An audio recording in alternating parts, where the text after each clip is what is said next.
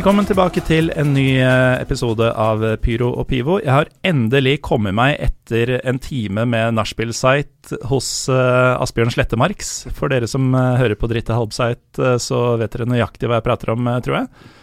Velkommen til meg, Asbjørn.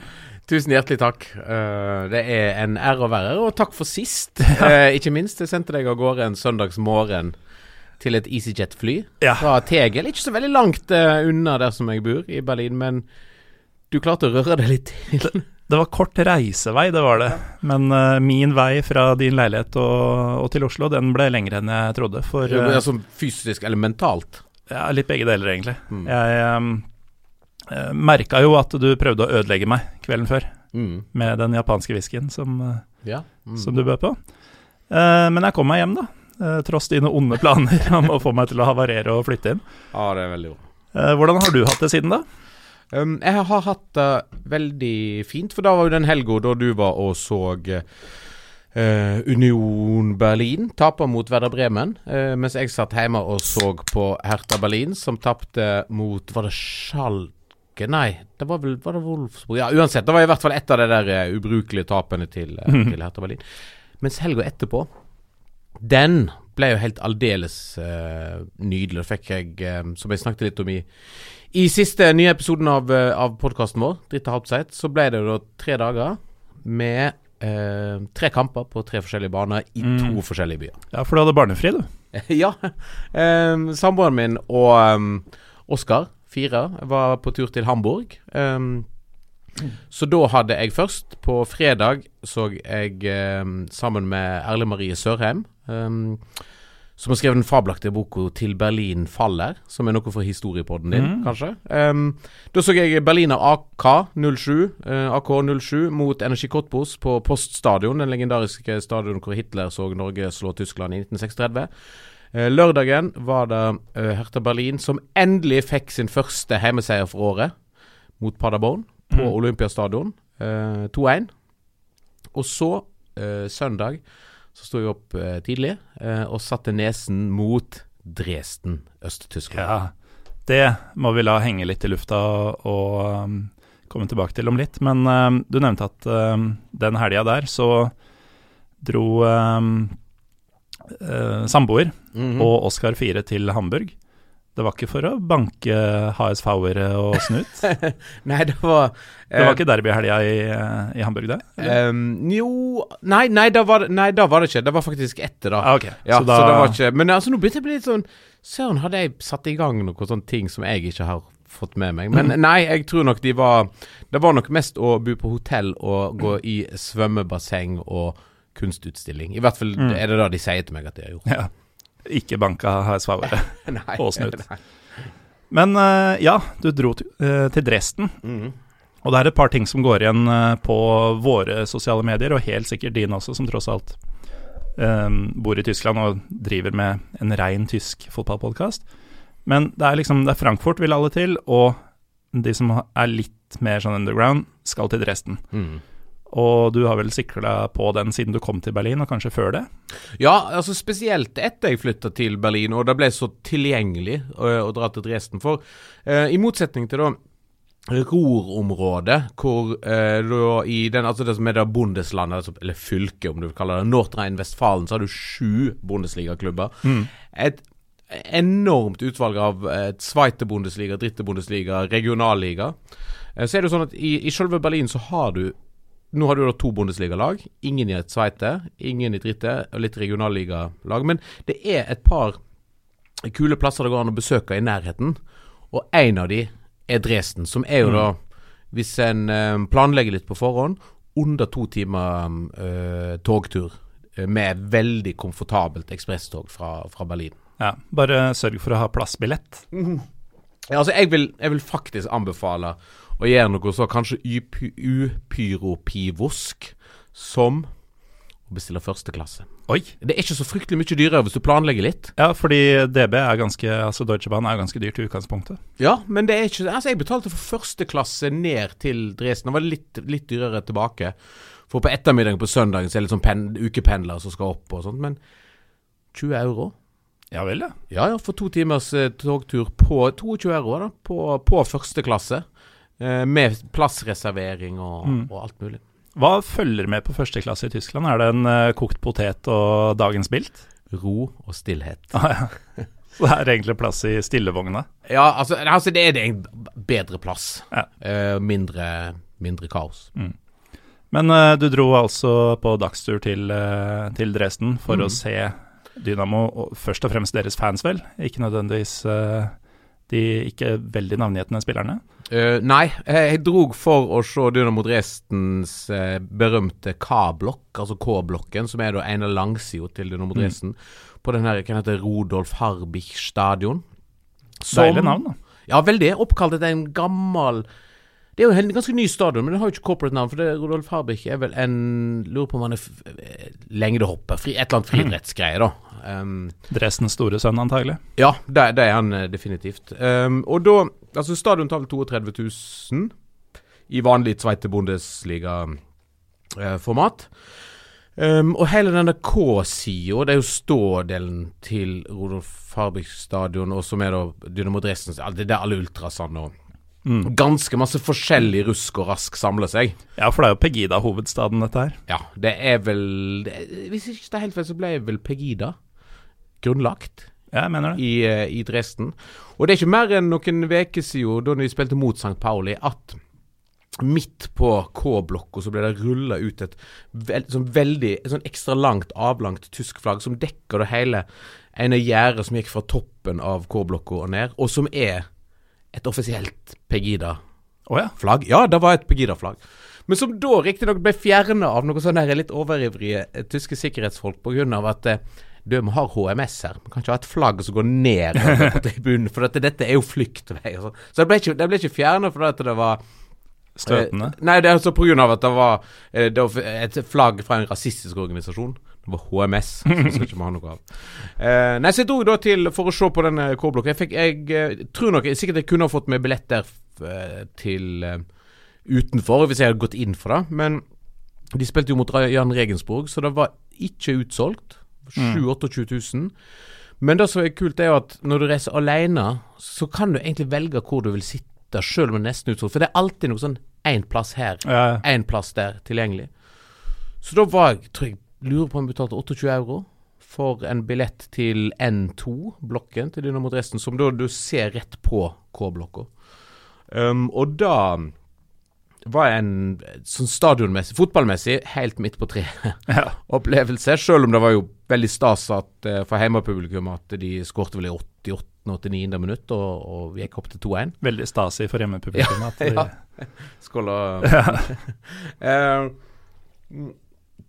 Men eh, sånn stadionopplevelsesmessig så er det nok um, Jeg tror jeg vil si at det er den kuleste stadionet jeg har vært på i Tyskland, ved sida av alt det første rai, da. Altså Union Berlins eh, hjemmestadion. Jeg så jo, um, var vel i går kveld, tror jeg, at uh, jeg så du hadde posta en liten review i denne fantastiske Facebook-gruppa European Football Weekends. Ja. Mm. Eh, og du, det virka som en i hvert fall sterk femmer, kanskje snuste på en eh, terningkast eh, seks uh, stadionopplevelsesmessig. ja, altså sjølve stadion, rent sånn Eller kampdagsmessig, kanskje. Ja, ja, ja. Mm. altså det eneste jeg kanskje savner, er at Og da sa jo de mine nye Dynamo Dresden-venner, som jeg da faktisk ble kjent med gjennom den Facebook-gruppa European Football Weekends, veldig Mm. hyggelige karer, de sa at det var litt slapt fra K-blokka. Eh, til Dynamo Dresden. Altså Jeg syns jo at de leverte stort sett heldig, men det var noen sånne rare tidspunkt i kampen der de nesten var stille. Og Mm. da sa jo han Jeg traff en som het eh, altså Daniel og David. David. Uh, som jeg ble kjent med den gruppa. Så, så inviterte meg Eller jeg inviterte meg inn på øl med dem. uh, uh, jeg skal komme tilbake til Biergarten-anbefaling etterpå, men må bare si de sa at det er en utfordring for Dynamo Dresden nå at de har fått en ny capo, ny forsanger. Han forrige, han er jo en stor legende. Til og med gitt ut sin egen selvbiografi. Meine, Ja. Meine Stimme. Jeg har vel uh, lest litt fra den, jeg, hvis jeg husker uh, Ja. disse bruddstykkene riktig. Stemmer det. Etter den japanske whiskyen så var det fram med Dynamo Dresden, Meine Stimme. Mm. Uh, Mo- Moli er det den heter. Og da var det deg og meg, en som kan ganske bra tysk, og en som ikke kan noe tysk. Og den som skulle lese høyt, det var, Ja, ja. det var han som ikke kunne. Sånn, sånn blir det fort når klokka begynner å nærme seg midnatt. Men han han gamle Capo nå, som nå er på en måte har, har gitt seg av private årsaker og gitt ut selvbiografi og turnerer med Mario Basler og sånn. Um, han er vekk, det en ny ung Capo som ifølge disse Dresden-fansen er litt for opptatt av å se på fotball. Ja, ja. Så han plutselig så snur han seg og ser på fotball i to minutter, og folk sa ja, men og du vet at Hva er det du driver med? Og tyskerne er jo sånn de, de må jo bli fortalt at de skal synge med Mm. tromme og sang og sånt. Så da, ja. Men, men, men, men, men drit i det. Altså, sånn, som stadionopplevelse, helt fabelaktig. eh, for da at det er 32 000 seter og ståplasser samla på måte, i én etasje. Det er ingen sånn terrasser der. Alt går rett opp. Det er ganske skrått, men fremdeles ganske altså, god plass. eh, og du ser bra uansett hvor du sitter. Jeg satt helt oppe langs med taket på rad 36, men følte at jeg satt nesten oppe i banen. Nå har dette selvfølgelig med å gjøre at jeg er jo vant til Olympiastadion, hvor, hvor jeg snart må begynne å ha med, med, med meg kikkert eh, i ostkurve. Ja, for du, du legger jo iblant ut bilder fra Åskorvet der, Mm. og det er jo selvfølgelig det feteste stedet å være på Olympiastadion. Mm. Men det er jo også Det er vel omtrent det stedet du ser minst av fotballen På ostkurve? Ja. ja, ja, på hele stadion. Altså, jeg står jo helt oppe i ostkurve. Altså den Mm. oppe på underringen av ostkurve. Ja, øverst på nedre del. Ja, rett og slett. Uh, og der ser jeg nok Altså, jeg kan tenke meg at de som står nederst, altså ultrasene, med Kaliber, Nold Dreisich og Hauptstadt Mafia og de andre som står på, liksom på rad 1 til 7 Jeg tror ikke de ser noe som helst av det som skjer Nei. på banen. Kanskje de ser liksom akkurat innenfor femmeteren på det målet som en har i, i Mm. nærheten. Så Men eh, må bare få, få, få sagt litt om Rodolf Harbik stadion, som ligger da 15-20 minutter å gå fra eh, Hauptbahnhof, eh, hovedstasjonen i Dresden.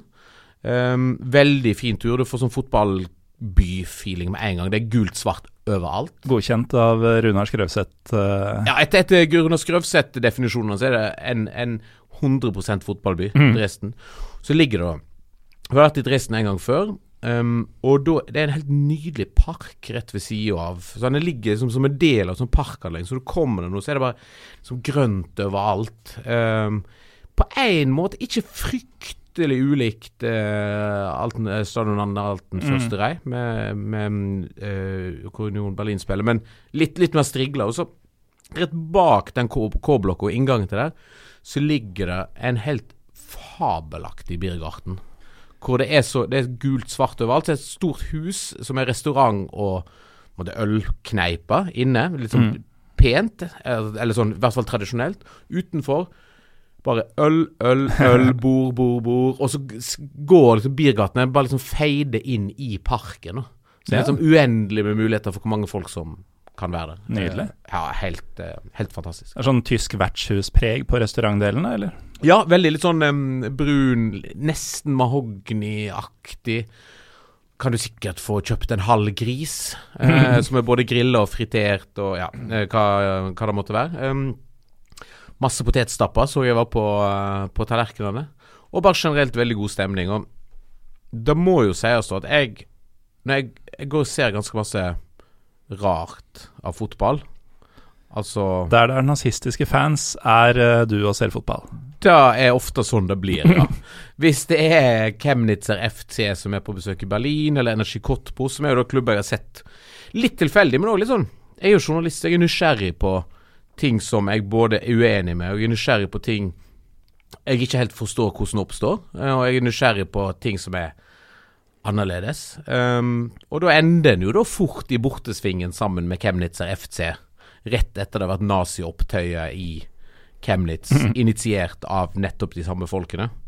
Um, og jeg var jo veldig da um, obs på det når jeg dro til Dresden. For Dresden er jo, og det skal ikke, det er ikke noe å legge skjul på, det er jo en klubb med masse fans som er rasister, nazister, usunne, stygge, brune element. Mm. Som er jo en del av fotballen i Øst-Tyskland.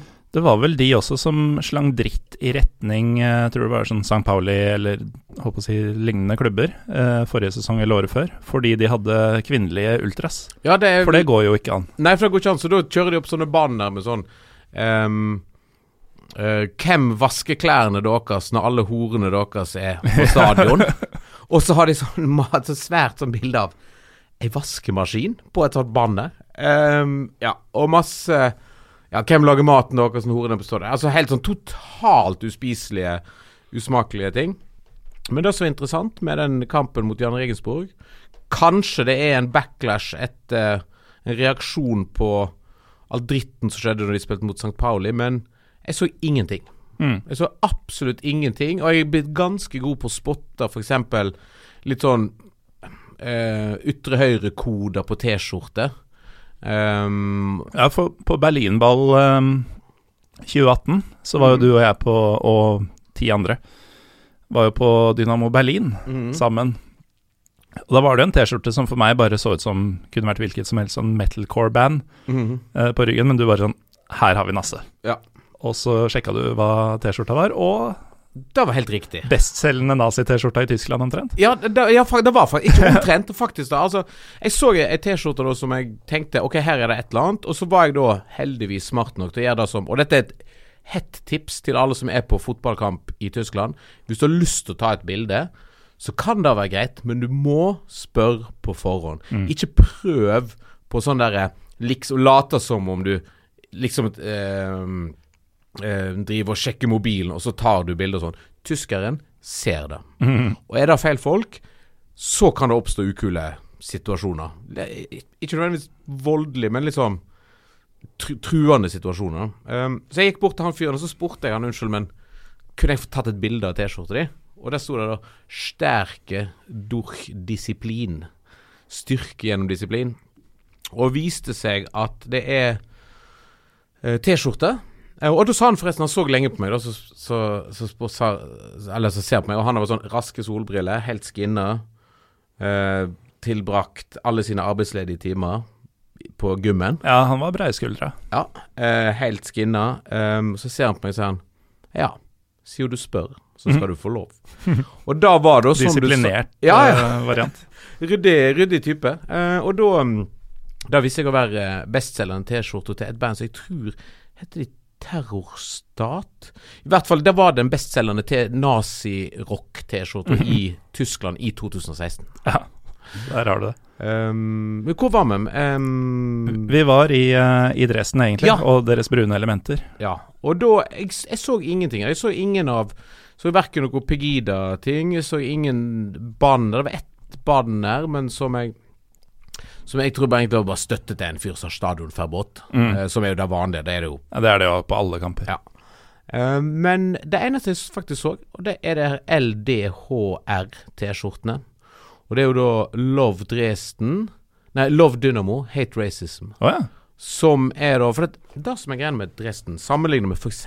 Kortbos og Chemnitz, er at Dresden er en mye tyngre kulturell by. Det er en Mm. by med mer tradisjonelle hva skal jeg si, venstre motkrefter. Du har egne bokforlag der som kun gir ut antifascistisk litteratur. Du har et slags sånn antifa, eller i hvert fall et intellektuelt venstremiljø, Mm. som òg reflekterer seg til en viss grad i fangruppa til Dresden. Så det er, en, det er sånn sett en mye mer interessant og, og anspent og kompleks situasjon enn hva det er f.eks. i ja, som nevnt, og spesielt Kot Kottbos Mm. og, og Chemnitz. For um, spesielt interesserte lyttere så er det jo sånn at det første episode noensinne av mm. Pyro og Pivo handla om uh, først og fremst Dynamo Dresden og St. Pauli, eh, som i mitt sinn var to motpoler på, på det viset. Og uh, Josimars Lars Johnsen, som på ingen måte kan beskyldes for å ha noe positivt forhold til Pegida eller Mhm. andre brune krefter, han uh, har jo bodd i byen. Og, Ja. og inntok da rollen som djevelens advokat omtrent, og Mm. snakka om ja, både det som var negativt, selvfølgelig, men også det som faktisk er positivt om Dynamo og Dresden som by. Mm. Og du nevnte jo selv at du har vært der før, eh, og da du var der, så ble du jo imponert over hva byen faktisk har å by på. Det er veldig, det er veldig kul sånn by å være turist i. Og det kan man kanskje ikke si om Cottbus og Chemnitz på samme måte, uten Nei, at jeg har vært der. Jeg har ikke vært der ennå, men jeg, altså jeg skal jo gi de byene òg en sjanse. Mm. Men Dresden har da Og jeg, jeg vet jo at uh, dette er en fotballpodkast, men hvis du hadde hatt Ja. Hvis du hadde hatt en porselenspodkast, så skal vi snakke veldig lenge om uh, porselensmuseet i, uh, i Dresden. Hvis Lars Skau hadde vært her nå, så hadde det blitt en ti minutters seanse om porselensmuseer. Sannsynligvis. Ja.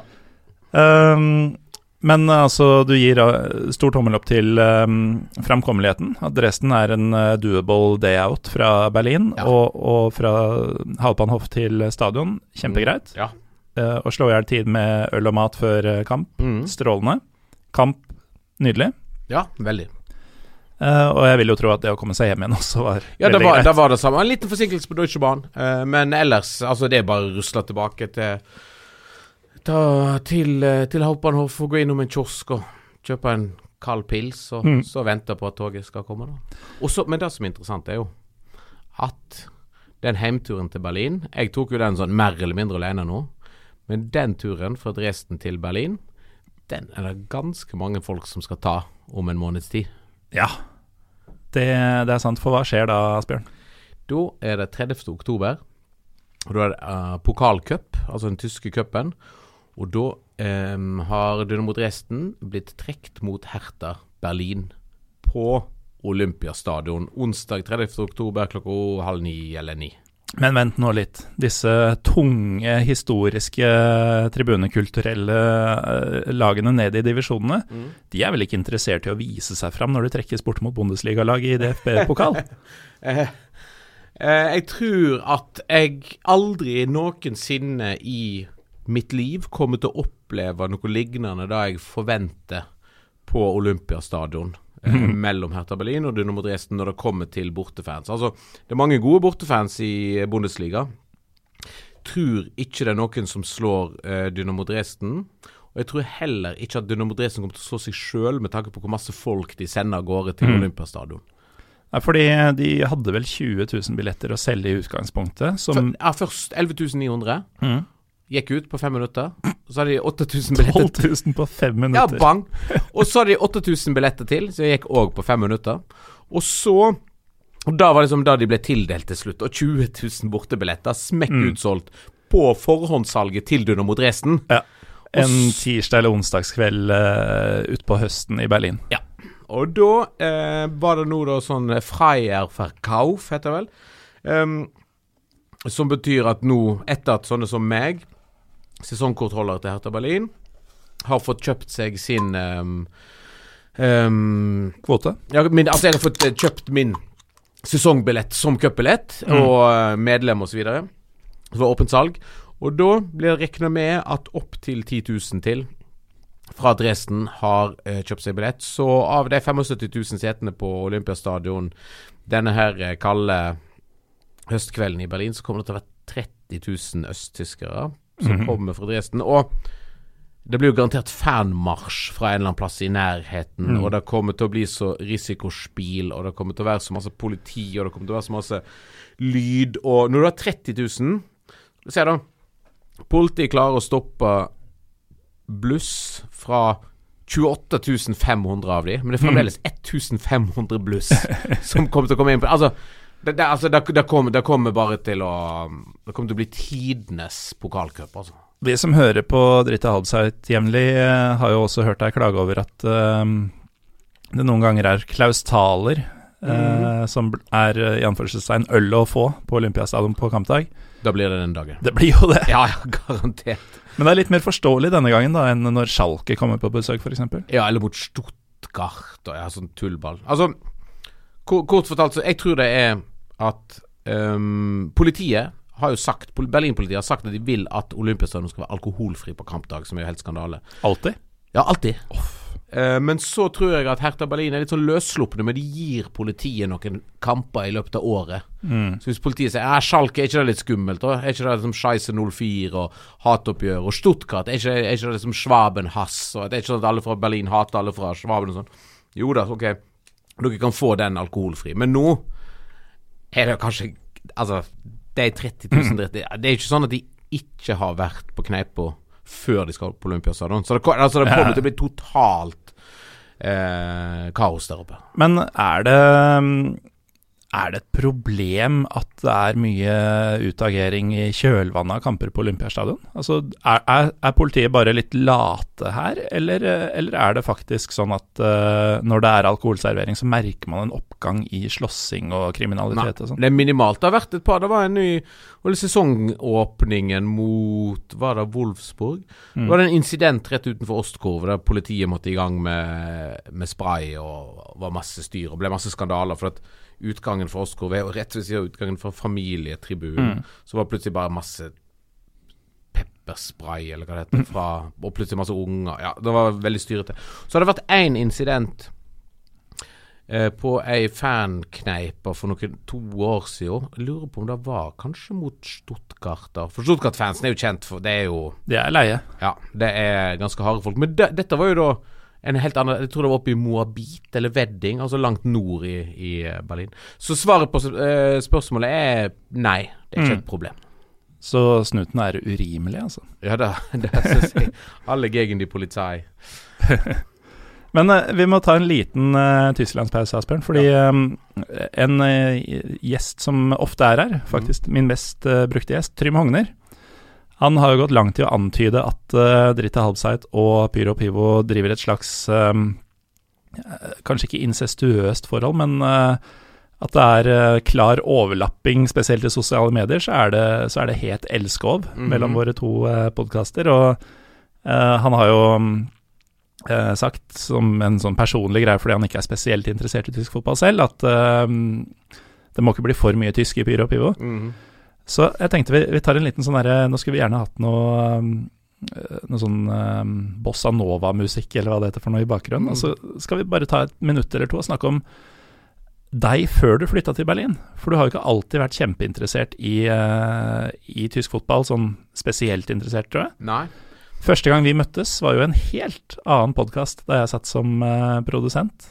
Det var United-podkasten? Ja. ja, ja. Tenk det. Ja. Sånn har det blitt. Føles som en helt annen tid, selv om det mm. sikkert bare er to år siden eller noe sånt. Mm. Uh, men du er jo vestlending, mm. glad i Brann. Mm, veldig. Og glad i Manchester United. Ja. Fremdeles, til tross. Du er det? Ja, ja. ja. Altså, jeg følger, jeg følger, United sånn Ser alle kamper mm. med United, så lenge det ikke krasjer med med, med Hertha Berlin på Olympiastadion, så, så ser jeg det, ja. Mm. Hvis det er Hertha på TV samtidig som det er United på TV, Bortekamp med Hertha. Uh, Hertha Berlin. Men, ja, men da, det er jo ikke hvor vanskelig å kjøre ut to skjermer. Altså, Hertha Berlin på TV-en, og så har United stående. Så mm. Hvis det er Kasper Wikestad som kommenterer, så hører en jo, selv om en ikke har lyd. ja. Så hører en jo hvis United skårer. da Hører selv om du ikke har lyd på, sa du? Mm. Ja, det er faktisk sant. Um, uten sammenligning for øvrig, så jobba jeg en sommer i New York for um, EF Språkreiser. Og da var det en av de lokale lederne som var sånn Brooklyn-dame. Uh, Italian American from Brooklyn. Mm. Og jeg hørte henne når hun ikke snakka. Altså til og med kroppsspråket var høylytt. Mm. Um, Men har du sånn ny, litt sånn nasal New York-stemme? Ja, ja, selvfølgelig. Ja. Ja. Og litt sånn uh, mangel på R i slutten. Litt sånn britisk uh, Den derre New York. Ja, ja, ja. Mm. Men nok om det. Men, men ja, så, sånn er det litt på, litt på Zoom av og til. Mm. Ja, med, med Kasper. Mm. Uh, så, så, du følger fortsatt med United? Fordi det virker litt sånn um, når man, De fleste kjenner deg jo nå i dag. altså Du har jo vært overalt på, på TV og radio, men per i dag så er den, det jevnlige påfyllet folk har av Asbjørn Slettmark, det er at du mm. sitter i Berlin og prater om uh, Herta og andre ting som skjer i uh, nazistiske Ja, og, mm. og, Bayern. Mm. Um, men uh, du har jo vært interessert i fotball uh, siden lenge før det ble en greie. Mm. Så hvilke andre lag har du hatt et uh, varmt forhold til tidligere? Mm, nei, altså det er jo Altså sånn, sånn fanmessig så er det jo Brann som alltid har vært det viktigste eh, laget. Og da har vi med at jeg er jo vokst opp i Sunnhordland, altså Stord, um, og etter hvert Kvinnherad, Husnes. Og der var det sånn Enten så abonnerte du på Haugesunds Avis eller Bergens Tidende. Mm. Og i vår familie så var det Bergens Tidende. Uh, og på den tida så var det også sånn at Haugesund hadde jo ikke noe måtte, stort lag. Da var jo Brann hele regionens lag. Mm. Uh, og uh, klippte ut kamprapportene fra Bergens Tidende og hang opp på veggen og, og leste. og og det var sånn Ber Brann, nei, Bergen var byen vi drog til hvis vi skulle handle plate, eller hvis vi ja, skulle på fotballkamp, eller da dra på Brann stadion som sånn tiåring, og Mm. måtte på, på bytur var en egen greie, da. Um, så da eh, Brann-forholdet stikker jo fremdeles. Så så, altså de seks årene jeg bodde i Bergen, så var jeg jo alltid på stadion og Mm. eh, eh, Faktisk før de bygde de siste tribunene. Kom jeg på her om dagen, så jeg tenkte på. Ja, for den bygde Altså jo Foran Gratishaugen så var det bare en sånn, sånn asfalt eh, Ja, såpass lenge siden. Ja, Ja, for de bygde jo tribunene i fjor. ja. mhm, Så nå har de jo enda en ny siden den gang. Så, nei, så Brann har alltid eh, vært viktig. Og så har jeg jo faktisk et Manchester United-forholdet stikker ganske djupt. For det var noe som skjedde i en alder av Jeg husker ikke helt hvor gammel jeg var. Kanskje jeg var omtrent når jeg begynte å spille fotball og lærte meg å lese. Altså en, eller altså, et, en eller annen plass på barneskolen. Og Så lånte jeg masse bøker på Mm. biblioteket. lånte jeg blant annet ei bok om Liverpool. Og så leste jeg den. Og som barn så følte jeg ingenting. Og så leste kjøpte, Så lånte jeg den neste boka i samme serien, om da eh, Manchester United, og begynte å grine som barn. Eh, Flyulykken, eller? Ja, selvfølgelig. Og Duncan Edwards som triksa med, Mm. med ballen på vei til eh, til skolen, og når Duncan Edwards, som, som var jo viktig for meg, som våkna opp da det første han spurte, var liksom eh, Altså hva Når er neste kamp? Mm. Eh, men så døde han jo eh, litt senere. Og så alle det der eh, mytologien rundt Manchester United som Jeg tenker kanskje 83-84. Og så ble det forhold Det ble sementert av 1985-finalen. Da United slo um, Everton på, i ekstraomganger. Og på den tida var jo hegemoniet kun i Liverpool by. Ja. var, spørsmålet var jo om Everton eller Liverpool skulle vinne serien. Nettopp for 85, da vant vel Everton-serien, så de skulle prøve seg på the double, da. Mot, eh, mot et eh, ganske Hva skal jeg si Et godt United, men et ganske marinert eh, Litt så småalkoholisert United. um, og da var det jo Altså, det er fremdeles noe Det er fremdeles kanskje mitt aller mest tydelige fotballminne er en ting er når Norman Whiteside skårer i hva er det, første ekstraomgang. Um, det er 1-0-skåringen som blir kampens eneste. Men det er jo da Kevin Moran effektivt stopper uh, en uh, fremadstormende Peter Reed med den mest fantastiske taklingen noensinne. Uh, som sender Peter Reed faktisk på salto. Og dommeren, Dette var jo før de fikk røde kort i England. Så dommeren peker jo de hadde ikke røde kort? Nei, nei, de hadde verken gule eller røde kort i England fram til Jeg tror ikke de begynte med det før Premier League. Men i alle dager. Nei, de hadde booking og, og sendt off. Så da, hvis du da ble skrevet ned i boka, da var gult kort, mens peker på garderoben, da var tilsvarende rødt. Jeg, jeg lurer på jeg, Dette Så det er kan derfor andre du er booket og sendt off, ja. Ja, sant. Og da, når de da peker mot garderoben, så har jo aldri noen blitt utvist før en FA-cupfinale. Og Kevin Moran, da, som nettopp har måttet takle Peter Reed i knehøyde, sånn at han har, og han er òg sistemann. Eh, og sendt han på en salto som han sikkert kunne knokke nakken på. Så ble det sånn Hæ?! Utvisning?! Hva er dette? Og, og Brian Robson springer bort og prøver å skrike, og Gordon Stracken er vel der òg, ja. Akkurat det øyeblikket jeg satt og skreik foran TV-en, da, da sementerte virkelig mitt forhold til Manchester United. Kevin Moran, den eh, irske Trifon Ivanov. Eh, men da tenker jeg at vi kan skru av bossa nova-bakgrunnsmusikken og så gå tilbake til eh, Tyskland. Så har Trym Hogner fått sitt. Um, tilbake til Berlin, kanskje. Du er ikke i Dresden lenger, Asbjørn. Asbjørn. Og du har veldig veldig lyst til å fortelle historien om en eh, klubb som mange nordmenn kanskje har hørt om fordi det har vært nordmenn der tidligere, men som uh, ikke nødvendigvis er en proffdestinasjon i disse dager. Tennis Borussia Berlin. Der skjer det ting. Ja, Eller har det skjedd ting? altså Tennis Borussia Berlin er en klubb med en, som så mange andre tyske klubber, veldig sånn rik, fargerik historie. Men det er spesielt det som har skjedd det siste året i den klubben, som har vært eh, veldig interessant eh, og gøy å følge med på. Det er faktisk sånn at det har vært såpass Den aktiviteten som har skjedd det siste året, selv om de nå er jo et femtedivisjonslag, spiller i Oberliga, tysk femtedivisjon, så har de kommet på forsiden av fotballbladene. De har fått coverstoryen i Elf Freunde, altså det tyske Josimar-svaret, på en måte. Mm. Um, og for mange Altså for min egen del, når jeg flytta til, da jeg flytta til Berlin, så var Tennis Borussia bare et sånt navn seg sånn, så litt sånn bak, bakerst i hodet kobla til Geir Frigård. Ja.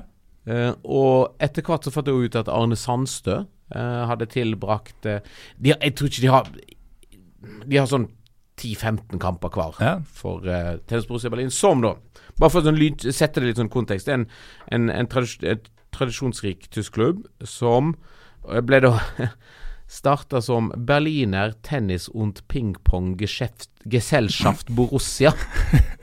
En, Tennis und pingpong. ja, som en tennis- og bordtennisklubb. Og alt er med bindestrek, regner jeg med? Ja, ja, ja selvfølgelig. Mm. Ja, Ping-pong Gesellschaft.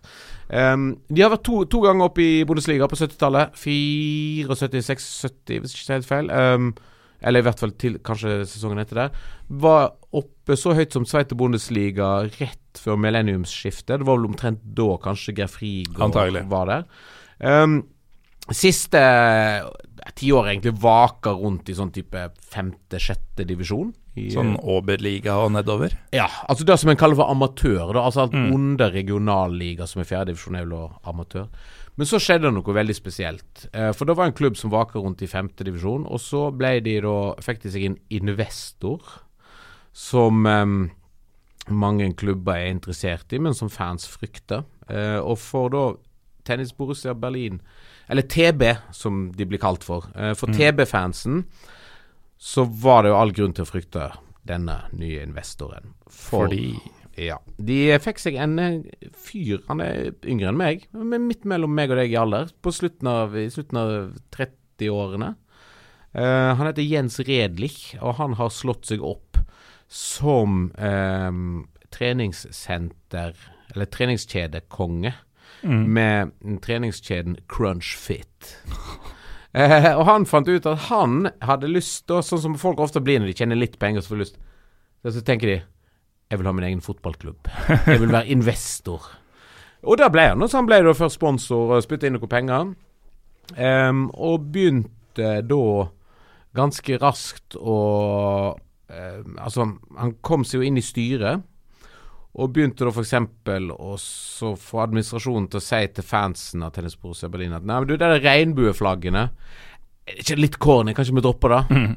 Eh, og denne hyllesten til Hans, Hans Rosenthal, denne, eh, den eh, ti, legendariske klubbdirektøren, eh, lille jødegutten som gjemte seg i Berlin gjennom hele krigen, og som eh, etterpå eh, Ja, for det var han som, som bokstavelig talt gjemte seg. Ja. Eh, jød, jødiske gutten som gjemte seg for, fra nazistene, og senere ble både talkshow-vert og klubbleder. Ja, altså du kan, du kan si at han er en, han er en blanding av eh, Erik Bye og Fredrik Skavlan Uh, og Fredrik Solvang. Ja, kanskje ikke så masse Fredrik Solvang, men en ordentlig talkshow-host. Blant annet på Radio Free Europe, som er en sånn kjent uh, eh, Ja. Hvis det norske samfunnet på noe tidspunkt hadde um, systematisk jobba for å utrydde asiatisk utseende personer, så kunne vi dratt inn Fredrik Solvang som en del av det. Nettopp. Eh, sånn sett, sånn sett altså så blir da Hans Rosenthal er jo en, altså en Han er ordentlig legende i eh, Tyskland. Um, og da ble han ble klubbdirektør. Mm. Um, han var faktisk på et tidspunkt Han var klubbdirektør i Tennis Borussia og hadde sitt eget fotballag som hette Hans Rosenthal eh, Ja. Mannschaft. Spilte de noen gang mot Jan Regensburg? Nei, men de, det var et kjendislag. Altså Det var rett og slett bare sånn tyske TV-stjerner. Oh, ja. Eh, men uansett, da, så da han Jens Redlich, han eh, nye eh, eh, investoren Han sier nei, det der eh, Hans Rosenthal uh, gjør det nei, så, litt styrete. Litt sånn, litt sånn uproft når vi skal bli sånn ny slik klubb. Og sånn. Mm. Så da um, Jo, og, så, og da, det av, avgjørende her for bruddet mellom fansen og klubben var at det skulle være generalforsamling, og Jens Redlich skulle få valgt inn sine styremedlemmer. Um, og så kom, troppa jo opp alle fansen som òg var klubbmedlemmer, og skulle stemme da over det nye styret. Så plutselig kom det masse busslaster med bulgarere som da var nye medlemmer i TB. Som da var rett og slett bare innleid stemmekveg fra Jens Redlich, og han fikk alle styreplassene og tok over klubben.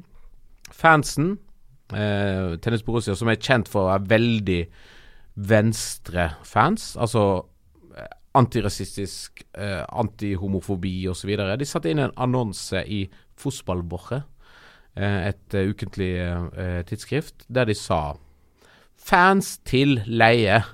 eh, en liten, engasjert fanscene, og så understreker de uten tromme, søker Drammensere? Ja, ja. Søker Søker klubb med tydelig antifascistisk eh, antirasistisk, antihomofob profil. Vi kan reise litt, vi lover å stille opp med noen hundre mann. Vi kan synge, vi kan lage stemning, vi kan støtte klubben din. Bare si ifra. Og så ble de da oppringt av et eh, lag på andre sida av Berlin, som heter Blau Weiss Friedrich Hein, eh, som spiller i Er det Kreis, Kreisliga A, som jeg tror Og dette er sånn som Marius Helgå sikkert kan bedre enn meg. Jeg tror det er tysk niendedivisjon. Apropos Marius Helgå, mm. noe av det som har fascinert deg mest, har jeg inntrykk av, mm. med Pyro og Pivo, er eh, den episoden vi hadde med han før jul mm. i fjor, hvor eh, han hadde vært på breddefotballhelg i, eh, i Frankrike. Fransk, avlyst kamp i fransk 13. divisjon. Ja, forpurra planene hans. Ja. Turen var ødelagt. Oh, men han hadde jo da veldig gode restaurantanmeldelser av han var vel på Han har spist verdens dårligste pizza i Frankrike, mener jeg husker. Men så hadde han seg en ganske deilig pepperbiff, tror jeg. Ja, det er mulig, det. Ja, det var i hvert fall denne pizzaen som han snakket om, som var sånn deig. Altså, ja. den, den, glemmer jeg aldri. Men til å være så glad i fotball og mat, mm -hmm. så så han ganske mye dårlig fotball og spiste ganske mye dårlig mat. ja, ja. Men uh, tilbake til uh, TB. Altså, busslaster med bulgarere, mm. utleie av seg sjøl til eh, klubber som de identifiserer seg mer med. Det er herlig gjeng, da. Helt fantastisk. Jeg var så heldig, og det er òg en av de sånne store, kuleste fotballopplevelsene, i hvert fall fotballkulturopplevelsene, at første kampen de leide seg ut til da, altså Blau-Weiss Friedrichshain, på andre sida av, um, mm. av Berlin i øst, den var jeg på. Oh. Og da, for da var jo dette Var det det litt rare stadionet? Ja, veldig rare stadion. Har du hørt om Metro Fotballhimmel? Bare gjennom eh, din Instagram. Ja, for det er da niendedivisjons eh, hjemmebanen til Blauweis som ligger Hvis du da drar mot øst til jeg tror det er Ostbahnhof eller Warschauerstrasse som er de nærmeste stoppene. Der ligger det um, en slags sånn Tybring-Gjedde-aktig kjede som du var medlem for. Han har sånn svært kjøpesenter som heter Metro. Så du går inn på sida der, så kan du ta heisen opp til sjette etasje. Um, og opp på taket av Metro, der ligger det en fotballbane. Og der var førsteplassen TB-fansen leide seg ut til niendedivisjonslaget Blau-Weiß Friedrichshain. Og de stilte jo opp med nyskrevne sanger til, eh, til Blau-Weiß. Um, handle eh, Sånne svære handlevogner med øl de solgte. og de solgte Det var litt, litt kjølig, det var i februar, så de solgte selvfølgelig skjerf. Og det var Elsker at det er handlevogner med øl når du er på toppen av et kjøpesenter. ja, ja, altså det var, ja, det var helt altså det var Kortreist øl. Ja, og så og sånn deilige bratwurster. Og så var det en ganske tidlig lørdag, sånn kanskje klokka tolv-ett kampen gikk. Står nå på toppen av et kjøpesenter da, med 300-400 lilla TB-fans som synger for Blau-Weiss nyskrevne sanger. Og det var ganske masse medier der òg, for storyen om TB-fansen landa jo på forsida av El Freunde, mm. og da begynte jo her. Um, og El Freunde var jo da igjen en slags jo Josimar-ekvivalent. Ja, altså det, det er gigantisk eh, europeisk fotballmagasin, altså fotballkulturmagasin, som er liksom måtte, referansen i Tyskland for alt som ikke er måtte, kommersfotball. Når vi først er inne på det, så um, har sikkert mange av lytterne fått med seg at uh, Josimar har hatt litt uh, økonomiske problemer. Mm. Eh, som virker å ha kommet seg gjennom det verste nå, men dersom det er noen der ute som ikke abonnerer på Josimar, så må vi bare på det, i hvert fall jeg, på det sterkeste anbefale at du får ræva i gir og tegner medlemskap, fordi det er det viktigste magasinet for sånne som deg og meg her til lands. Ja, og så må jeg si at en skal ikke tegne abonnement eller sånn pga. veldedighet her. Vi skal tegne abonnement pga. at de lager den beste journalistikken om fotball. Mm. Den smarteste, morsomste, mest rørende og mest gravende journalistikken om fotball. Og er hjemmet til sånne store, mener jeg, norske fotballskribenter som Nils Henrik Smith, mm. som får publisert ting der som ingen andre sannsynligvis publiserer, for det er for, eh, det er for i anførselstegn sært om fotball. Runar Skrøvseth, som er jo med hos oss dritt halvt på fantastisk fotballhistoriker, nostalgiker, som da mener det er viktig at de har en outlet, for å bruke et flott tysk-norsk ord, eh, for sånn sterk journalistikk. Helt enig. Um, så det var um, Du dro på toppen av et kjøpesenter, så Mhm. Utleide fans uh, synge nye sanger om et lag de egentlig ikke hadde noe forhold til. Drakk øl fra handlevogn. Drakk øl fra handlevogn og deilige bratwurster, sier du. Nå skal jeg Nå skal jeg si noe litt kontroversielt. Mm. Eller stille et spørsmål som jeg egentlig veit svaret på, men jeg syns det er litt rart likevel. Uh, nå skal det sies at den beste stadionmaten jeg vet om, den får jeg i Tyskland, og ikke overraskende er det i skogen. Mm. Uh, nemlig denne uh, flintsteik-varianten som du får på Halte første rei. Mm. Men det som alle gjør på tyske stadioner, uansett om du er norsk turist eller, eh, eller sesongkortholder på 40 året, du spiser wurst. Mm. Uh, hvorfor blir ikke tyskerne lei av wurst? Eller blir tyskerne lei av wurst? Nei. Nei. Det blir det ikke. Uh, akkurat nå så foregår det en ganske stor kåring i Bild Zeitung, uh, altså den måte, regionalversjonen av Bild, der de kårer de 20 uh, viktigste og beste currywurst-imbissene, altså gatekjøkkenet. Ja, i, eh, i, ehm, i Berlin. Og Det har vært en gigantisk kåring med titusenvis av folk som har stemt frem 20 finalister, som de nå går igjennom dag for dag. Jeg må innrømme at jeg sjøl og ganske mange andre Den kåringen har vært kjempestor suksess. Gå igjennom, notere ned navn. Å ja, den ligger i nærheten av meg. Ok, den ligger i nærheten av den S-banestasjonen. Ok, uba- ok, da kan jeg ta den når jeg er på den kampen. Ok, hmm, hvordan skal jeg komme meg opp der? Og så Kleinmarnoff, er ikke det veldig langt vekk? Ja, så videre og så videre. Mm. Uh, så nei, blir ikke lei. Det er Nei. vel bare fordi eh, det er så himla godt. Jo, men eh, Nei, jeg skal ikke si at det, det koker ned til at det bare er pølse. Nei. For det, det er det jo faktisk ikke. Men jeg fikk jo, det nevnte jeg litt på podkasten òg, at jeg fikk jo da en ny oppfinnelse på Når jeg var på Dynamo Dresden-kamp. Da fikk, bestilte jeg en bratwurst, så så jeg at det lå noe under bratwursten. Og da lå det litt mindre pølser under bratwursten, så jeg fikk sånn støttepølser for Ja. at den skulle ligge liksom høyt, lett nok å ete. Ja, for det er alltid litt sånn diskrepans mellom eh, brødstørrelsen og pølsestørrelsen. Ja, og det men men det, det er jo egentlig ikke fordi brødet er for stort. Det er bare at uh, formen passer ikke helt. Ja, og da har de da Den geniale løsningen i Dresden er å legge bitte lite pølser under bratwursten, som, Ja. som løste det. Men jeg, jeg, jeg, jeg må, kan jeg få lov til å avslutte sånn den her TB-historien? For all del. Ja, for at den er jo da Den har jo en veldig fin slutt. Det er det som skjedde. Nå reiste da eh, TB-fansen rundt, støtter forskjellige klubber. Mm. Ja, for historien så langt er at den nye eieren er uspiselig, og supporterne støtter heller tilfeldige andre lag som Ja, ikke, ikke helt tilfeldige, men i hvert fall. Ja. andre lag. Um, men så blir det annonsert, etter masse press fra fans, for fans har jo merkelig nok ennå altså litt å si i Tyskland. I så han han sier at det dukker opp en e-post der han sier at han trekker seg. Um, og så jubler jo alle, og så begynner sesongen, og han eh, vår gode venn Jens Redlich, Crunchfit-eieren, han er på stadion, han, men han har liksom trukket seg.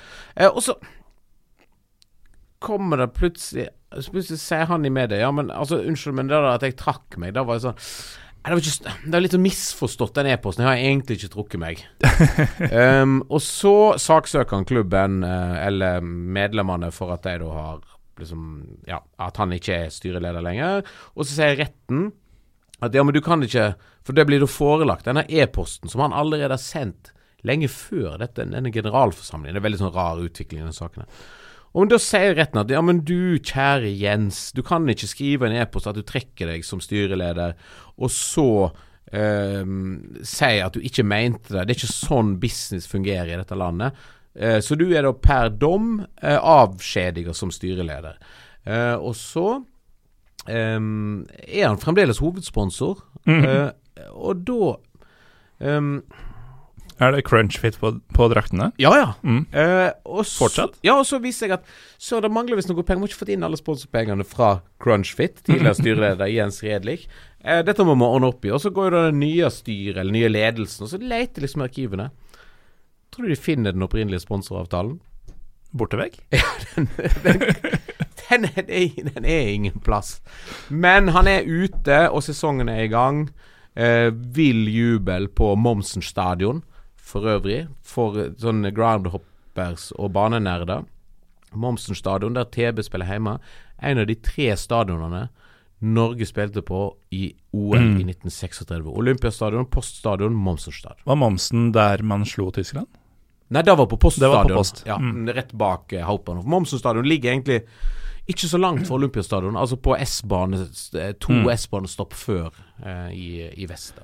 Den S-banen har jo blitt helt uh, vanvittig etter at de uh, forlenga linja. Mm. For det er jo, det er jo fotballinja, S3. Ja. Ja, så Den går jo rett ifra Olympia til uh, Alten første reide. Via tydeligvis uh, Ja, Momsen stadion. mm. Og du kan, ja, du kan òg stoppe ved Metro Fotball Himmel. Ja visst kan du det. Ja, ja. Eh, uavhengig av om det var uh, Warschauerstrasse eller uh, Ostbahnhof. Ja. Um, om Trym syns det har vært mye tysk før Begynner å gå på sånn Hvilken S-banestasjon skal du bruke? ja. Um, når vi først er tilbake i Berlin, da, Asbjørn. Du, um, du har sett deg ut en helg nå i oktober som uh, du mener alle bør dra på. I hvert fall har du tenkt deg uh, på litt. Ja, altså det er da tenkte du skulle komme med en liten anbefaling. For jeg, jeg, jeg helger sånn ikke bare snakke om ting som har skjedd, og være fotballnostalgiker, om noe skal skje. Først, jeg, jeg bare si en ting. Tennis Borussia Berlin i år, tysk femtedivisjon, Oberliga, satt i gang med å ha kvitta seg med eieren. Mm. Har spilt seks kamper. Hvor mange poeng tror du de har? 10? 18. Full pott? Full pott, 16 pluss mål. Tennis Borussia Berlin er på vei til regionalliga, tysk fjerdedivisjon. Ja, det er så riktig etter det du fortalte. Altså overgrepene mot, uh, mot klubben. Ja, ja. Så kan Og så er Jens Vedlik Redlich gå tilbake til å pumpe. Bulgarske busslaster fiksa biffen. Ja, ja. Men i hvert fall i oktober Ja. så, så er det store saker, eh, for spesielt interesserte kanskje, men eh, store saker uansett, i berlinsk fotball. ja, vi får jo i, i podkasten vår, Dritte Halbseid, så får vi ofte henvendelser. Folk som lurer på okay, hvor skal vi dra, eh, hvor det er best å komponere i fotballhelga, f.eks.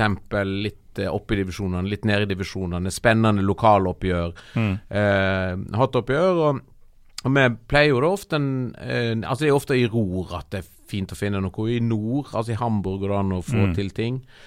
Um, men så er det ei helg som jeg tror det kan bli ganske fin, hvis noen har lyst til å ta seg ei, um, ei helg i um, eh, i, um, eh, I Berlin, i den tyske hovedstaden. Da er det Victoria Berlin. Veldig koselig, familieaktig klubb. Altså, det er jo Tysklands største klubb i antall spillende medlemmer. Spiller i regionalliga. Hjemme mot Berliner AK 07, multikultiklubben fra Moabit. På fredagen det sånn, det sånn Det er ikke sånn kamp som kommer til å ta av på tribunen, men det er veldig trivelig og koselig nede på Det var ikke da Victoria skulle møte Dynamo? uh, BFC Dynamo? Jo, nei, jo, du, jo, det er det selvfølgelig. Det er Dynamo. Ja, Ja. Nå, nå, nå blander jeg inn Multikulti og Stasi. Ja, det er fort gjort. Ja, ja. Stasi-nazi-laget Eh, Dynamo. det, det er så masse lokaloppgjør. Sorry. Det er Victoria Berlin mot eh, Dynamo Berlin. Gamle eh, Stasi-laget, store DDR-mesteren gjennom år etter år etter år. Eh, Stasi da, nazi nå. ja.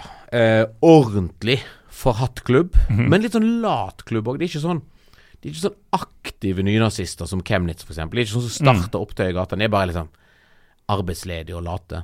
Ja. Um, Ja, og det skinner kanskje litt gjennom også i hvordan klubben blir drevet, uten at jeg kan detaljene der. Mm. Men uh, så svære som de var, med den fanbasen de bør ha, mm. skal ikke ligge og vake rundt der nede hvis de hadde giddet å ta seg sammen. Nei, og de kommer ikke til, kommer ikke til å komme seg opp heller. De kommer Nei. ikke til å komme seg til divisjon. De, denne historien er sikkert sånn som Nils Henrik Smith kunne fortalt bedre, men de er jo en klubb som de eier vel ikke engang egen logo, for de glemte eh, å fornye som åndsverksrettighetene. ja, lang historie. Men det er på fredagen. Eh, da går det an å for groundhoppingen sin del få hjemmebanen til Victoria Berlin nede i, ned i, em, i Sør-Berlin. Um, og så er det på lørdagen Så er det Hertha Berlin mot Hoffenheim. Vanlig, egentlig. Der, der du fort kan være medlem i begge klubber. Ja, det uff, ja. Oi. Ja, for jeg har jo da funnet ut at eneste måte å få meg billett til Union Berlin-kamp, er å bli medlem av Hoffenheim for å kjøpe bortebillett til Hoffenheim i Union. Ja, Det er en syk plan. Altså. ja jeg vet. Oi, oi, oi. Um, vi får se, vi får se. Um, det er ikke noe stor kamp, men det er en anledning til å, å dra på Olympiastadion og, Mm. og ja, øl og Worcester. Ikke noe fare for Klausdal her. Det er vel egentlig ikke fare for særlig med bortefans. Men så kommer jo da godbiten, altså rosinen i vorsten. Det er på søndagen. Dette blir da er det, Når blir det? 8.27., tror jeg? Ja, siste, i oktober en gang. Ja, siste, søndag, siste søndagen i oktober. Da skal Babelsberg, som er um, en kort S-banetur helt rett utenfor Berlin, kommer deg ned der på 20-25 minutter. Det er så å si uh, Potsdam, er det ikke det? Ja, det er rett før Potsdam, altså mellom Vanse og, og Potsdam. Mm. Så du tar da S-banen ned til f.eks. Vanse, og så hopper du av og så tar du ett stopp videre inn i Babelsberg. Babelsberg er for øvrig um, Tysklands Hollywood. Altså mm -hmm. de, Alle store filmstudioene lå der, i gamle stumfilmstudioene i gamle dager. Sånn som Babylon Berlin er spilt inn på sånn bygd sett inne i Babelsberg. Um, okay. Veldig fin, koselig by. Sånn gammel tysk dorf. Så går du fra S-banestasjonen, så er det en kilometer å gå til en veldig trivelig, koselig bane. Um, og der um, skal de da ta imot Energi-Kottbos. Og da Altså, det er jo kontro... Ikke kontroversielt, altså det er uh, intenst nok bare pga. de to klubbene. Babelsberg er vel den mest sånn definerte venstreklubben kanskje i Tyskland, eh, i moderne tid, da, mm. ved sida av St. Pauli. Um, Energi Cottbus er da den kanskje mest tydelige definerte høyreklubben. Ja. Kottbos by i det hele tatt. Ja. Det er liksom symbolet på AFDs og ekstremhøyres framvekst. Mm. Og det er ikke bare at de to at da står imot hverandre, men de har òg en historie. For det var i 2017 som møttes disse klubbene. Og da eh, smalt det sånn som det knapt har gjort i tysk fotball på mange år. Eh, og endte opp i et, et, egentlig et sånn skandaløst etterspill som fremdeles går. For da var det jo fra Kottbos-fansen en sånn totalt skandaløs oppførsel. De, for Babelsberg heter jo Babelsberg 03, så da kjørte de sånn eh, eh, B03 Arbeit macht frei eh, fra Cottbus-sida. Og det var heiling, og det var, det var så masse rett og slett ulovlige nazihyllester. Lite subtil uh, variant. Ja, altså det, altså det, er rett og slett det er jo ulovlig i Tyskland. Mm. Altså Har du f.eks. en, en har du en, en tatovering med et av de gamle SS-slagordene eller noe sånt, så får du dagbøte fram til du fjerner den med laser. 50 eh, euro om dagen. Um, men det, og da eh, eh, kjørte jo Babelsberg-fansen, som er ordentlig livatt venstregjeng, masse rastafletter, litt sånn gammel blitz-stil på dem. Mm -hmm. eh, de lot seg ikke pille på nesten, av det, så de kjørte jo vanvittig med sånn nazis raus og nazisvein. Og det var banestorming, og det var pyro og alt mulig. Så endte det opp med at begge klubbene sine fanavdelinger um, fikk like høy bot. Jeg lurer til og med på om Babelsberg sin bot var større enn Kottbo sin. Og dette førte til enorme reaksjoner mot forbundet ja. i Tyskland. Og med etterdønningen av dette, hvis du går på YouTube og ser liksom, liksom redigerte klipp sånn niminuttersklipp som ligger der, og det er jo en dokumentar for den kampen her, så skjønner du at når de to klubbene for første gang igjen skal møtes i Babelsberg i slutten av oktober i år, så kommer sikkerheten til å være på topp. Ja. For der kan det skje ting. Der uh, kan det skje ting, som, uh, som, det har gjort tidligere. Men uh, Asbjørn, nå um, kan, vi, kan, vi, gi Trym Hogner et bein igjen mm -hmm. og, og, forlate Tyskland for en liten stund. Um, du er jo en bereist fyr. Uh, vært mange steder mange ganger. Ikke alltid sett like mye fotball uh, overalt, men jeg, uh, igjen tilbake til da vi møttes for første gang, så fikk jeg jo servert på bakrommet en skrøne om da du var i Syria for andre gang. Ja, nei, første, første, første gang. gang. Ja, første gang okay. faktisk, ja. Men én av to ganger, da, mhm. tydeligvis. Mm. Du, har, du, har, vært i Syria et par ganger. Det er, mm. det er jo gøy i seg selv. Mm. Um, og kom deg på fotballkamp, ja. men ikke helt på den måten man kommer seg på fotballkamp uh, på tradisjonelt vis. Nei, jeg var på Jeg var i Syria første gang i 19, Lurer på om det er det 1998? Ja, 1998. Dette er da desember 1998.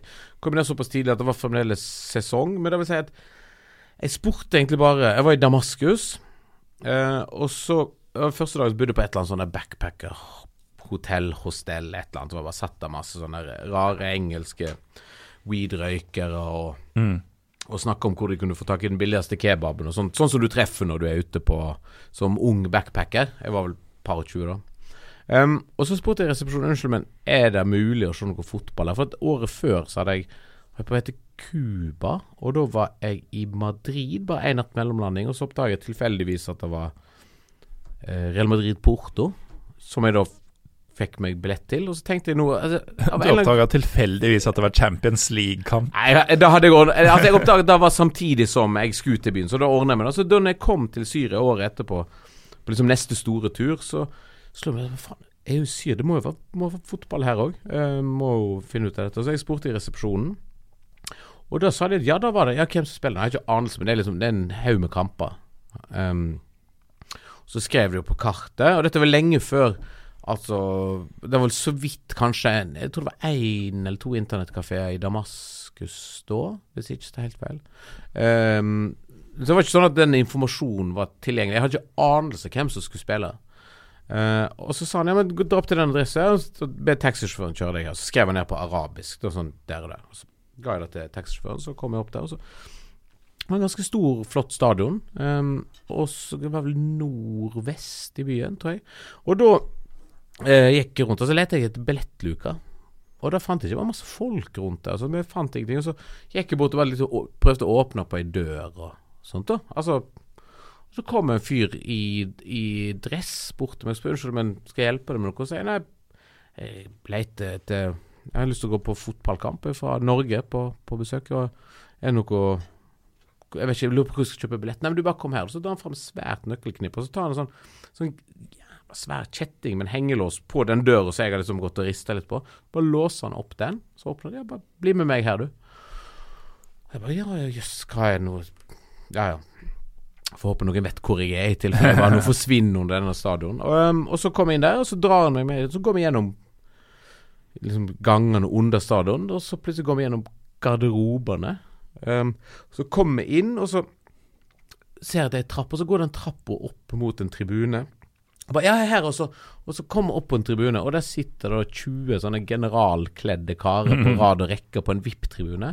Og så sier han til en av dem denne, gi han den innerste plassen her, så bare sørg for at han har liksom litt te og at alt er i orden. Så jeg bare og så ble det satt på denne rekka med sånne generaler. Eller i hvert fall Jeg er ikke så god på militære ranger, men det er i hvert fall folk eh, syrisk militære Ja. med rang. Eh, Syriske offiserer. ja, og så er det klubbdirektøren. klubbdirektør, Mm. som har funnet meg utenfor og går rundt der og virrer som en hodeløs kylling. Det var direktøren, ja. Ja, ja. Og så um, blir jeg sittende der i time etter time, for at det er litt sånn baseballaktig stil. De kjørte to kamper. Å ja. Ja. Så det var først en oppvarmingskamp som jeg tror var syrisk tredjedivisjon.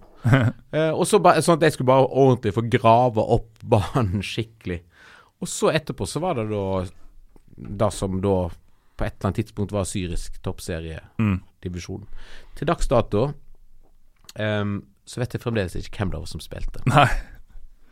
Nei, men det, Sånn tror jeg det skal være når man ser eh, fotball i Mm. arabiske nasjoner, med mindre du er på de polerte saudiske og Nei, dette var veldig lite polert. Men du, det, du, du er på vei du til Midtøsten? På lørdag drar jeg til Jordan, Ja. og der er det beef mellom eh, holdt på å si ligaen, eller i hvert fall klubbene, og fotballforbundet. Fordi fotballforbundet ikke har betalt de pengene til klubbene som de skal. Følgelig er det ikke noe toppfotball. Så du drar på Pyro Pivo-tur til Jordan, og er det streik? Eh, ja. Så um, håpet er jo at de, streiken ikke går altfor langt ned i divisjonssystemet. Sånn at vi kanskje kan se en jordansk tredjedivisjonskamp Mm. uh, på samme måte som du så, eller ikke på samme måte, men ja. Men Hvordan, hvordan er nivået egentlig på Altså jordansk land, Jordans landslag er vel ikke akkurat det sterkeste i regionen. Men hvordan er, hvordan er nivået på jordansk fotball? Har du anelse? Nei, det var det jeg hadde håpa å finne ut, da. Men, uh, men det får jeg nok ikke uh, nå. Men uh, det er nok lavt. Ja. Det, det, det tipper jeg det var i Syria også, selv i fredelige tider. ja. ja det, det var fryktelig lavt. Det var, Og spesielt, dette var jo 1997, nei 98. Mm. Så det var ikke noe um, De hadde ikke rukket å blitt inspirert av verken Tikki Takka eller De hadde sikkert ikke da hørt om Drillo-fotball heller. Så. Ingen av delene. Nei. Så det var, eh, det var godfotteorien som, Ja, som vi alltid sier her på den tida. Um, men uh, hvis dette var 98, de var dekorert Eller de var offiserer på den tida Mm. Det er jo ikke sånn at disse nødvendigvis hadde um, pensjonert seg når uh, offiserer begynte å utføre rene krigsforbrytelser mot egen befolkning. Nei. På Assads, uh, altså Det kan godt være at du satt og koste deg sammen kan, med det, det, kan- altså, det kan godt være at dette var de som da var som de fremadstormerne, som da var de ordentlige generalene. mm. Kanskje er det senere. han du drakk te med, som, uh, som sennepsgassa egen befolkning Mm. uh, 12-13 år seinere. Ja. Hvem vet? Vi kan bare spekulere her i Pyro og Pivo. Uh, men uh, som jeg nevnte, du, du har reist mye, men ikke alltid sett uh, fotball. Nei, altså, jeg tenkte litt på det vi snakket om det. For at jeg, har ofte, jeg har ofte reist helt sånn konsentrert i god gammeldags sommerferie og Mm. juleferie. Så Ja. jeg har egentlig vært ganske ofte plasser der det ikke har vært fotball. Så Ja. mens jeg, jeg er heller ikke en sånn Altså, jeg er ikke en sånn klassisk groundhopper. Altså, jeg, ofte når jeg har vært ute og reist, så det er ikke det at det er fotballen som har dratt meg til en plass, men jeg har vært Mm. ute og reist, og så har det da tilfeldigvis av og til blitt fotball. Ja, Ja, sånn det, det, det veksler det på, for min del. Mm. Da jeg var hos deg i Berlin eh, for et par uker siden, så var det selvfølgelig fotball uh, først. Um, men da vi var i, um, Israel for et par år siden, f.eks., når vi skal til Jordan nå, så er det jo mer sånn Vi drar et sted fordi vi vil oppleve stedet, og så skal vi se fotball samtidig. Mm.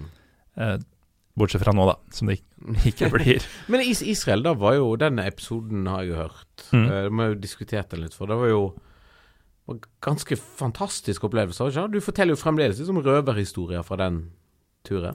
Jo, jo, det var jo det var helt rått. Det var jo um, første gangen jeg var i den ordentlige Midtøsten.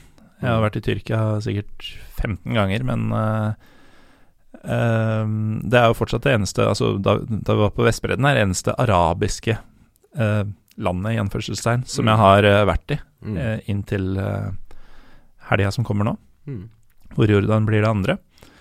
Og det, er- det er jo en helt sånn Jeg tror fortsatt ikke helt, når jeg ser reportasjer fra Eller nyhetssaker fra Jerusalem, f.eks., så er det litt sånn uh, lost on me, for å si det på godt norsk, at jeg faktisk har vært der selv. Mm. At uh, jeg sto utafor denne klippemoskeen og, og hele den greia der, da. At jeg har uh, mumla noe Lillestrøm-greier inn i klagemuren, uh, videre. Eh, men jo, det var en helt rå tur, og måten vi fikk billetter til eh, hatkampen viste det seg å være, Hapoel Tel Aviv mot Beitar Jerusalem, i seg selv, det, det gjorde jo hele turen. Og det skjedde jo på dag to eller tre, Mm. så um, på en ti dager lang tur. Så det, det er noe av det kuleste jeg har vært med på. Mm. Um, men uh, uansett, mange land på deg, ikke så mye fotball. Hvor er det du har vært som du uh, helst skulle ønske at du hadde sett en ordentlig fotballkamp? Altså, jeg, har jo, jeg skammer meg litt over at jeg har vært nesten 20 ganger i Costa Rica uten å ha sett fotball. 20? Eh, ja. Eh, um, og da handler det litt om at vi er alltid ute på kysten. Eh, et godt sted på liksom Ja eh, ha- halv, Eller 30 km på en grusvei fra egentlig neste, nærmeste fotballbane. Gjerne vi, vi er egentlig aldri innom hovedstaden. Noen av de noen av de store byene. Vi flyr liksom bare rett ut på landsbygda med sånn småfly når vi har vært der. Men der skulle jeg gjerne fått sett. De har fått en veldig flott ny stadion òg. Eh, skulle sett noe landslag der. I det minste skulle jeg sett Iron Maiden når de spilte på landslagsstadion i eh, Costa Rica, sånn som de gjør med jevne mellomrom. Men Mm. mest av alt så har jeg vært um, har vært to ganger i Iran. Ut, begge ganger utenfor fotballsesong. Og da, og da har jeg vært på jobbetur, da. Altså sånn frilansjournalisttur. 1999 og 2000. Eh, Jeg skulle helt enormt gjerne ha sett et ordentlig derby i Iran. Eller egentlig Mm. bare vært på en fotballkamp i Ja. uh, Iran. Hadde vært uh, fabelaktig. Fikk jo da oppleve Altså det er jo sannsynligvis det mest uh, vennlige, litt sånn imøtekommende landet jeg har vært i, bortsett fra sikkerhetspolitiet som overvåker deg hele tida. Mm. Ja, for det gjør de. Ja, altså, og spesielt oss som reiste på, på pressevisum. Og så visste de hvor vi var til hver tid. Og det var sånn Plutselig så banka folk på midt på natta og forlangte å se passet vårt. Og det var jo da mot den revolusjonsgarden som Mm. skulle bare sjekke, da. Uh, ja, det er masse sånt uh, styr. Men um, Så da, da, er no, da kjenner jeg stikket litt, at jeg ikke fikk sett uh, fotballen jeg var i Iran i 99-2000.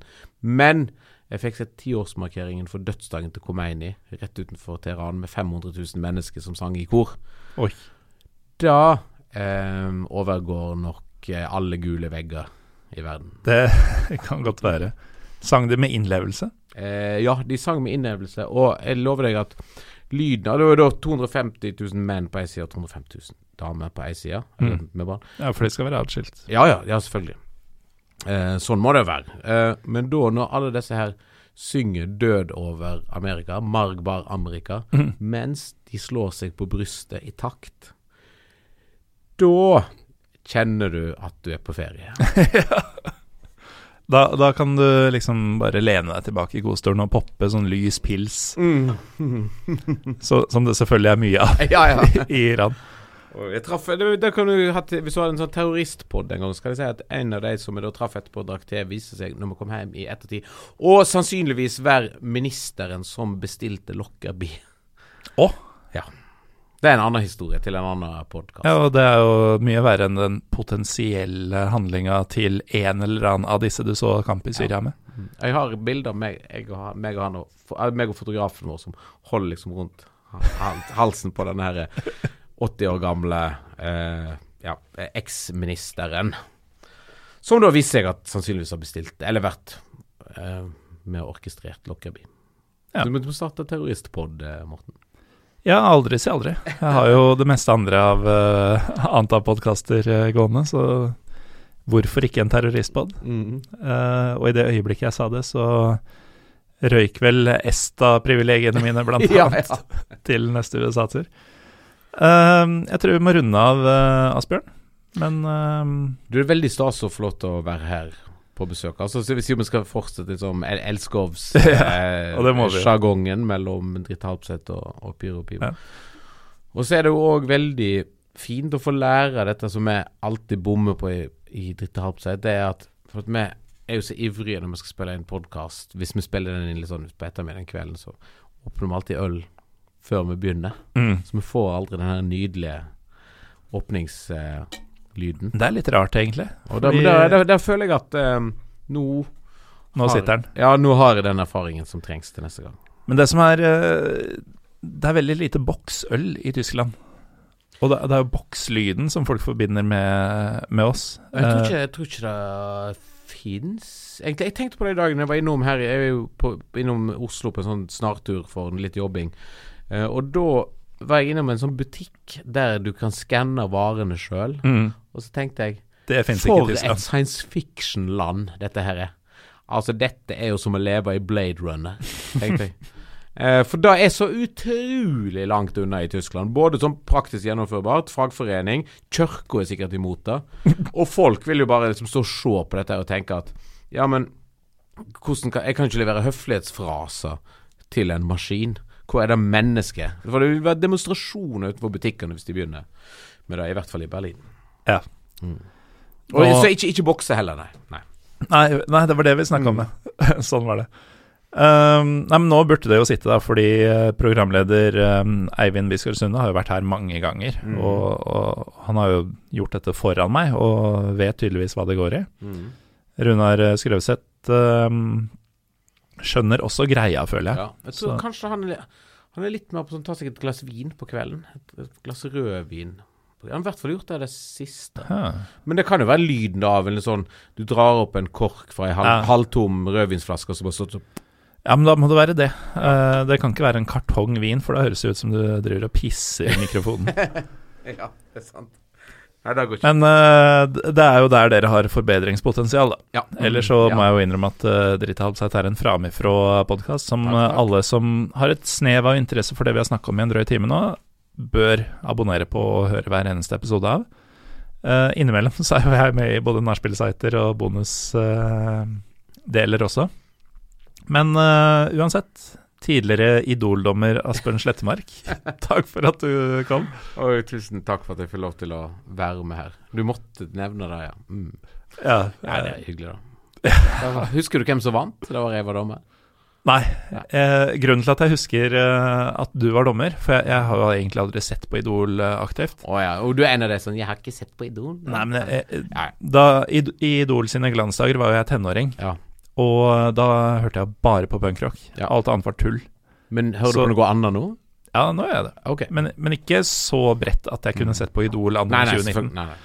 Men uh, Nei, jeg bare syns det var så rart, fordi jeg vokste jo Eller deler av ungdomsåra mine Mm. uh, tilbrakte jeg jo med Pyro Ja. på P3, som du Mm. var program... Eller en, Mm. en av to programledere for. Mm.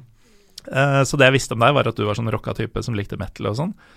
Og plutselig skulle du dømme dømme popaspiranter sammen med Jan Fredrik Karlsen og sånn. Jeg vet ikke om dere var samtidig, men Jo, jo. ja, Mm, der ser du. Så det, det, det er gøy for meg, da, å, Ja. å, å dra opp innimellom. Uansett, eh, Ja, ja. takk for eh, deltakelsen, eh, Asbjørn, og måtte det ikke bli siste gang. Jeg, eh, Eh, jeg kommer tilbake når jeg blir spurt, jeg. Nå, nå skal det sies at jeg har egentlig spurt deg et par år, men du, du er jo aldri i Oslo. Du eller fikk, du er endelig, aldri du fikk endelig Syria-historien på tape, da. Endelig. Ja. Det har jeg hatt lyst til siden vårt første møte. Og takk til dere som uh, hører på. Uh, jeg, og ikke minst takk til dere som eh, driver og bestiller ting på pyropivo.com. Nå har jeg fått et par bestillinger de siste dagene, fordi jeg nevnte det i forrige episode, antar jeg, så nå nevner jeg det igjen. Det går an å bestille skjerf, blant annet, på pyropivo.com. Eh, takk, Asbjørn. Eh, har du et selv? Jeps. ja. Jeg har det. Nå er det endelig begynt å bli litt kjølig i Berlin. Nå er det ikke 35 grader hver eneste dag lenger, så nå kan jeg endelig gå rundt og sprade gjennom de vestberlinske gater i pyro-pivo-skjerfet mitt. Mm. Og innimellom så ender det at vi, vi blogger litt om temaet for ukas episode, eller helt andre ting eh, der også. Eh, I tillegg så har vi jo Facebook, Twitter og Instagram. På de to siste så er vi Pyro Pivopod. Jeg heter Morten Galaasen, og neste uke blir dere avspist med en bonusepisode, for da er jeg, som Asbjørn nevnte, i Jordan.